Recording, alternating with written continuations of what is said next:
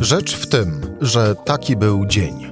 Cezary Szymanek, zapraszam na codzienny podcast Rzeczpospolitej.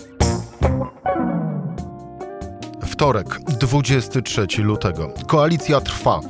Takie słowa padły po wczorajszym spotkaniu Jarosława Kaczyńskiego, Jarosława Gowina i Zbigniewa Ziobry. Tymczasem z badania IBRIS dla Rzeczpospolitej, w którym zapytaliśmy o wewnętrzne napięcia w koalicji rządzącej, wynika, że 38,5% ankietowanych jest przekonanych, że prezes PiS Jarosław Kaczyński zapanuje nad partnerami koalicyjnymi, a Zjednoczona Prawica przetrwa do końca kadencji. Ale 37%, a dokładnie 37,3% wcale nie jest tego pewna i udziela odpowiedzi nie wiem.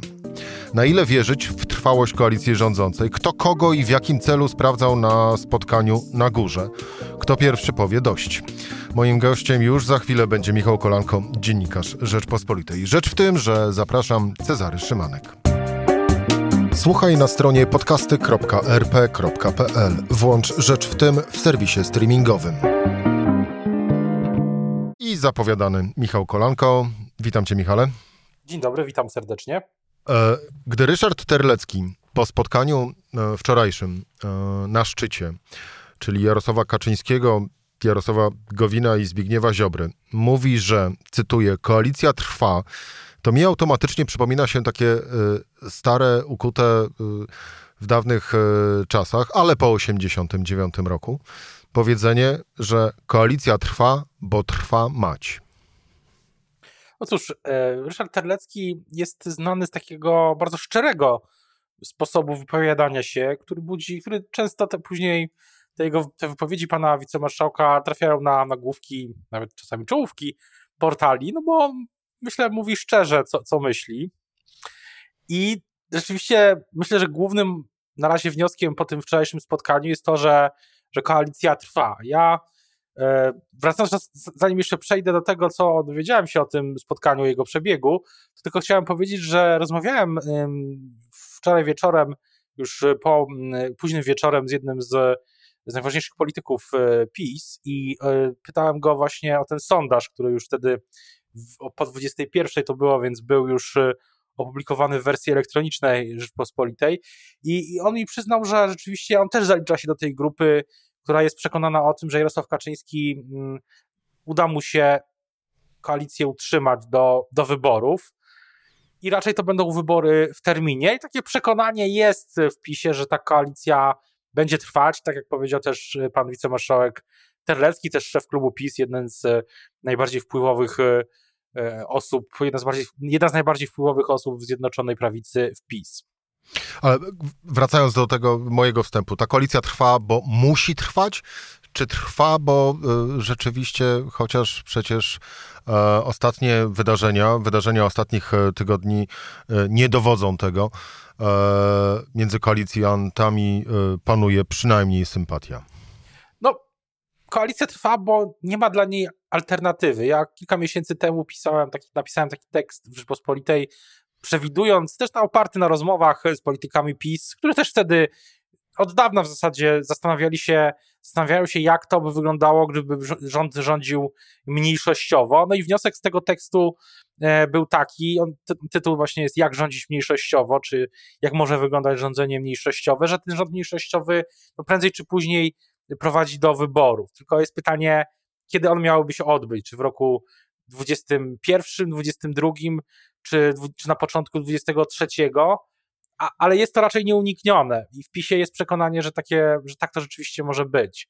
Że gdyby rząd był mniejszościowy, to byłby, mm, byłby y, skazany na wybory prędzej czy później i nie zrealizowałby zapewne żadnego większego celu poza działaniami antykryzysowymi. Ale wracając do tego spotkania, ja pytałem, staram się dowiedzieć, co, co, co się wydarzyło po pierwsze zwrócono mi uwagę, że to nie było spotkanie na Nowogrodzkiej, tylko spotkanie w formacie prezydium rządu.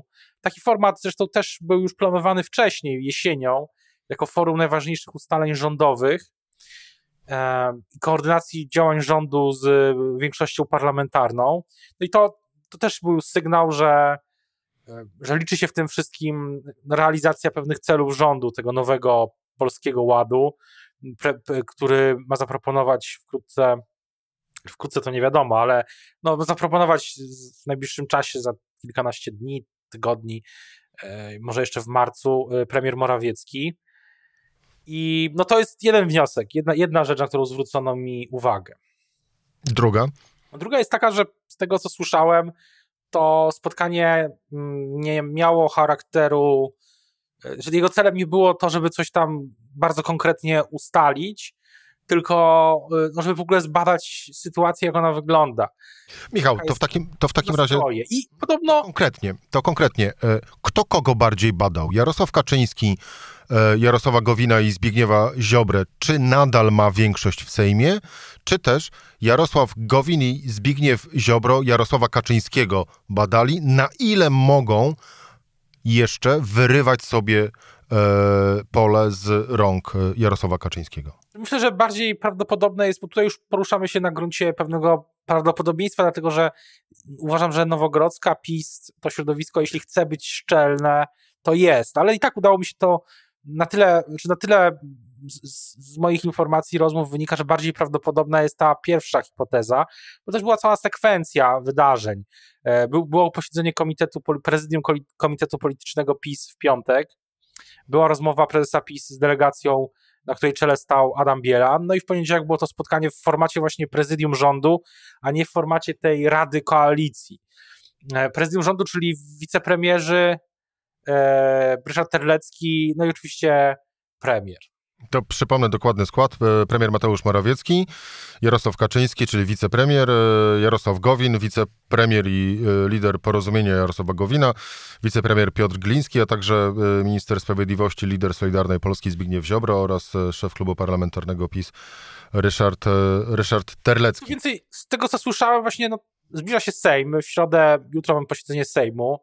E, z tego co wiemy, na razie to jakichś bardziej kontrowersyjnych ustaw ma nie być, ale mogą się pojawić w każdej chwili. Nie ma tu żadnego z tym PiS problemu, żeby sprawdzić swoich koalicjantów. Ale myślę, że częścią tego sprawdzenia było, było wczorajsze spotkanie. I z tego co słyszę, no ono nie było też, nie było tam. Tutaj no, spotkałem się z takim określeniem, że, e, że nie było awantury. Ale to już to jest tylko cząstkowa wiedza i nie jest dokończony taki proces badania tego spotkania, że tak się wyrażę. Na tyle na dzisiaj mogę powiedzieć, raczej chyba większej awantury tam e, nie było. No i to, że ma być następne spotkanie, no to też świadczy o tym, że być może w tym następnym spotkaniu będą jakieś większe konkrety.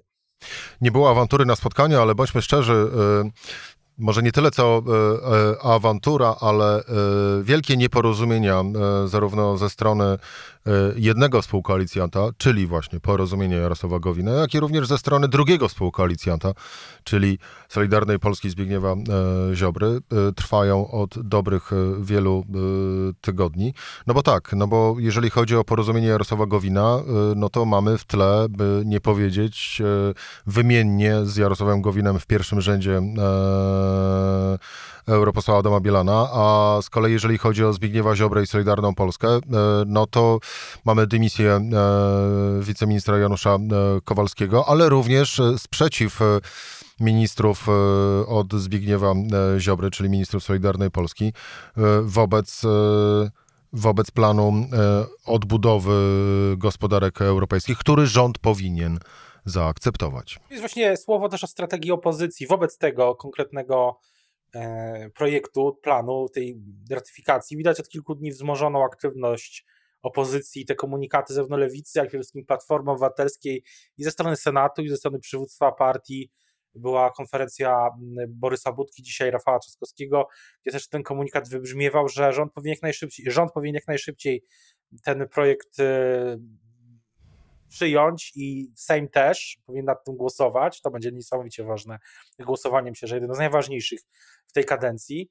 E, no, i... no właśnie, zatrzymajmy się na chwilę, Michał, przy tym głosowaniu i przy tej sprawie, bo jest to też, bądźmy szczerzy, jedna z najważniejszych e, spraw e, na najbliższych kilkanaście kilkanaście miesięcy. Bo jeżeli ten program e, nie zostanie przyjęty, e, nie zostanie ratyfikowane owe porozumienie, nie zostanie dobrze po owej ratyfikacji e, napisany program e, odbudowy, no to koło nosa przejdą nam e, naprawdę gigantyczne pieniądze i szansa na to, żeby wyrwać się z kryzysu.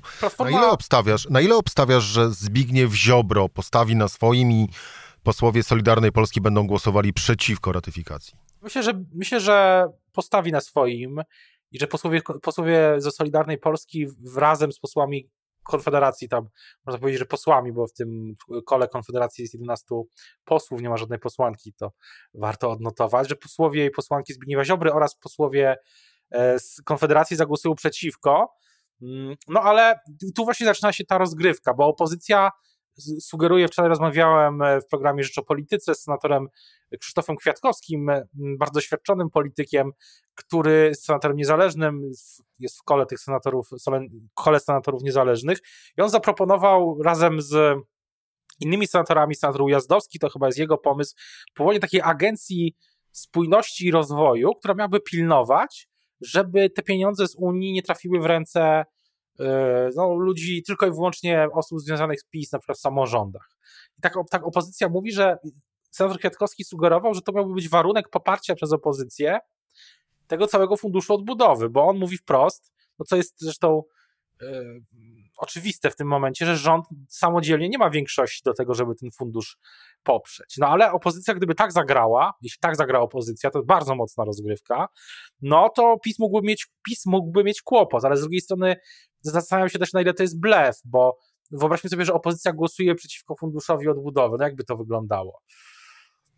No, jestem w stanie sobie wyobrazić później konferencję e, Prawa i Sprawiedliwości, które dosyć e, pewnie umiejętnie i wykorzystując do tego jeszcze e, TVP, przekona wszystkich Polaków, że tak naprawdę ostatecznie wina była po stronie opozycji, a nie właśnie Zbigniewa Ziobry. Ale idąc, idąc dalej tym tropem, bo jeżeli Zbigniew Ziobro zagłosuje przeciw, jak prognozujesz, no to w normalnym świecie automatycznie tym samym wydaje oświadczenie pod tytułem rezygnujemy z koalicji, wychodzimy z rządu. No tak, ale właśnie to jest też y, istotne, że to już byłoby konkretne głosowanie, bo głosowań, yy, mam wrażenie na przykład, że bo inaczej, że głosowania są, no to już zostanie, tak? To nie jest temat, z którego PiS się może w ogóle wycofać.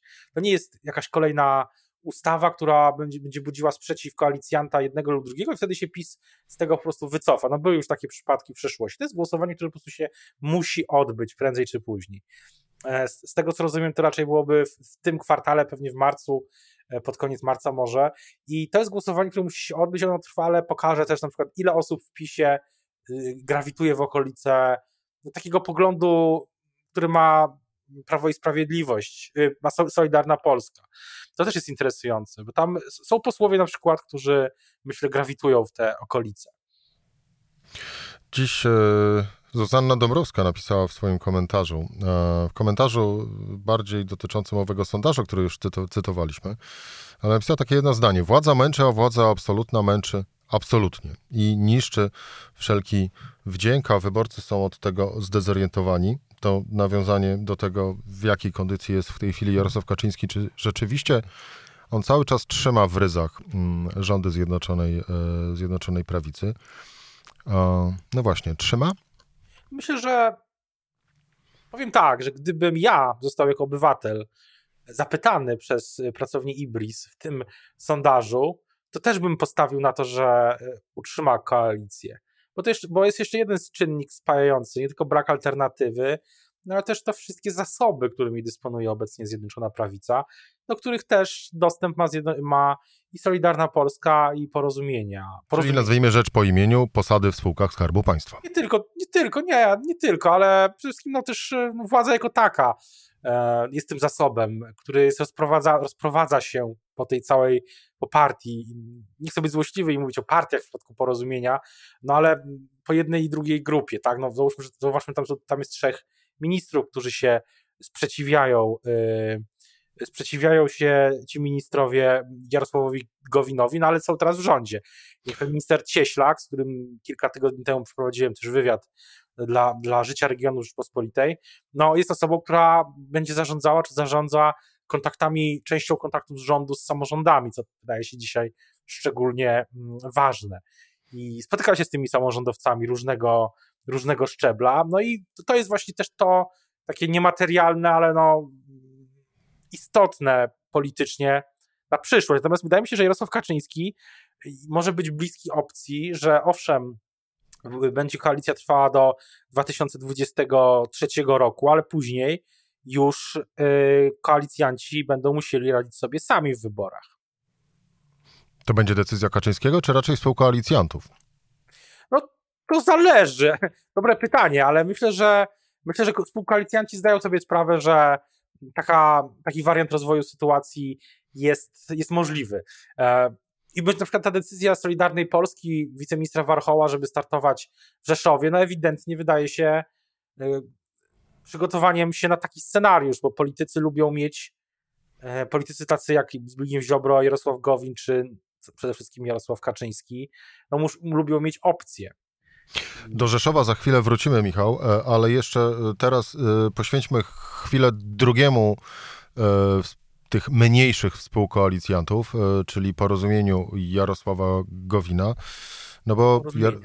Albo porozumieniu, właśnie. E, no bo Jarosław Gowin e, domaga się dymisji, dymisji członków rządu, którzy opowiedzieli się za, za Adamem Bielanem, a przeciwko Jarosławowi Gowinowi.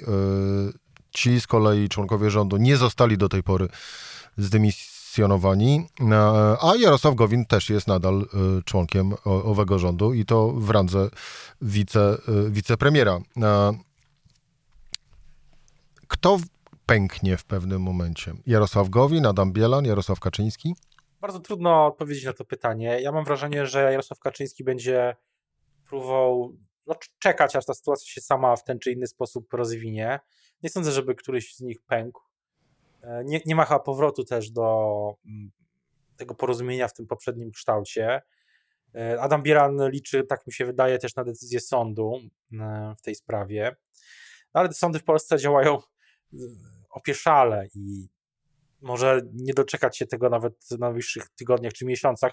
Ta sprawa też, no, myślę, że przestaje też budzić takie emocje opinii publicznej, jak każda w zasadzie, więc to też jest czynnik istotny. Ja też e, mam wrażenie, że atutem Jarosława Gowina oczywiście jest to, że ma też szable w Sejmie, mm, ale ile ich ma tak naprawdę, no to pokażą być może niektóre głosowania. To też jest bardzo ważne. Więc ta sytuacja jest, no, jest bardzo niestabilna na pewno. E, dlaczego ten rząd ma jeszcze większość? Tego, tego chyba sami politycy PiS do końca nie wiedzą.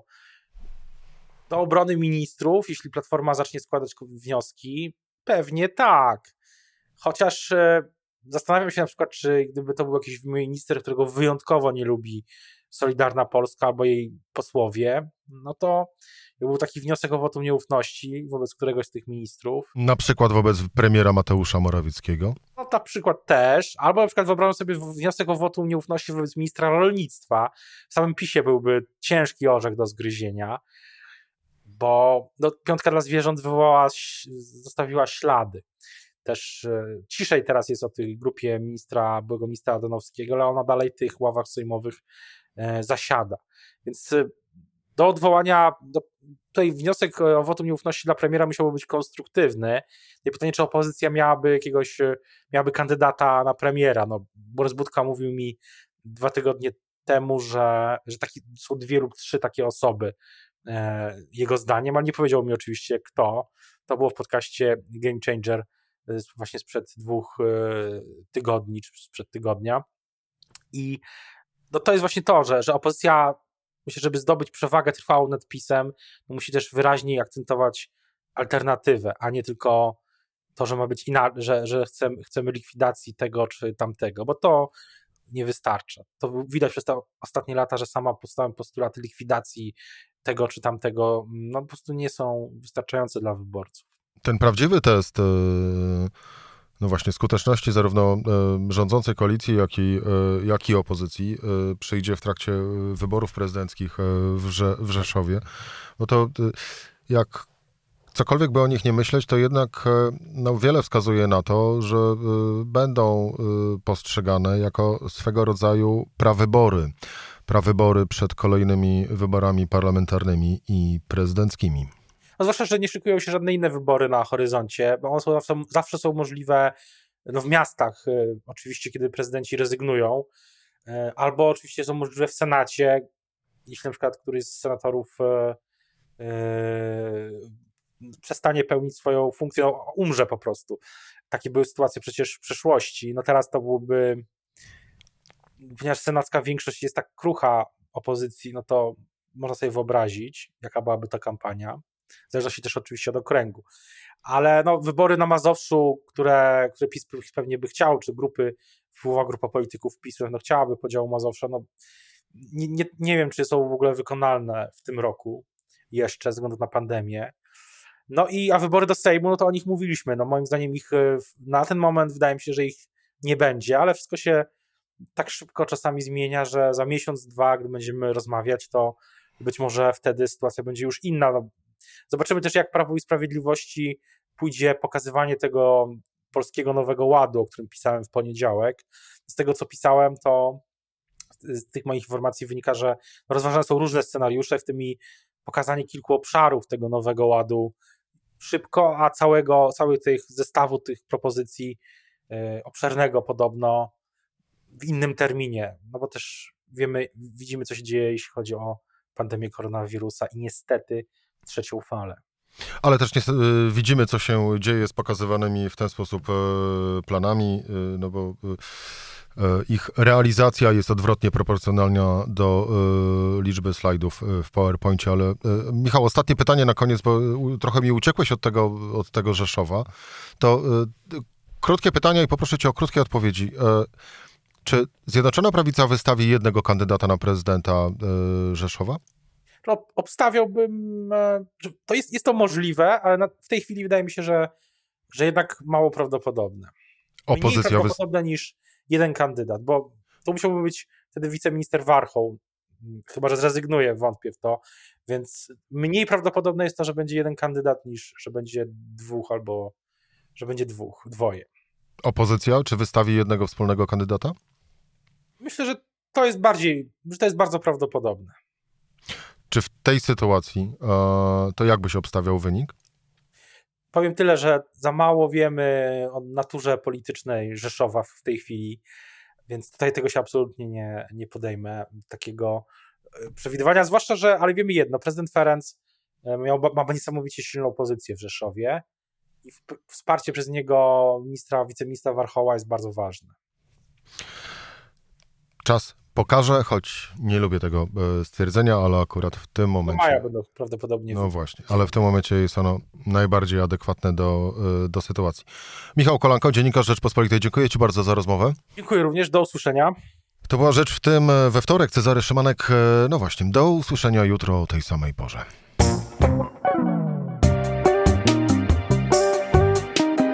Rzecz w tym to codzienny program Rzeczpospolitej. Od poniedziałku do czwartku o godzinie 17. Słuchaj na stronie podcasty.rp.pl. Włącz Rzecz w tym w serwisie streamingowym.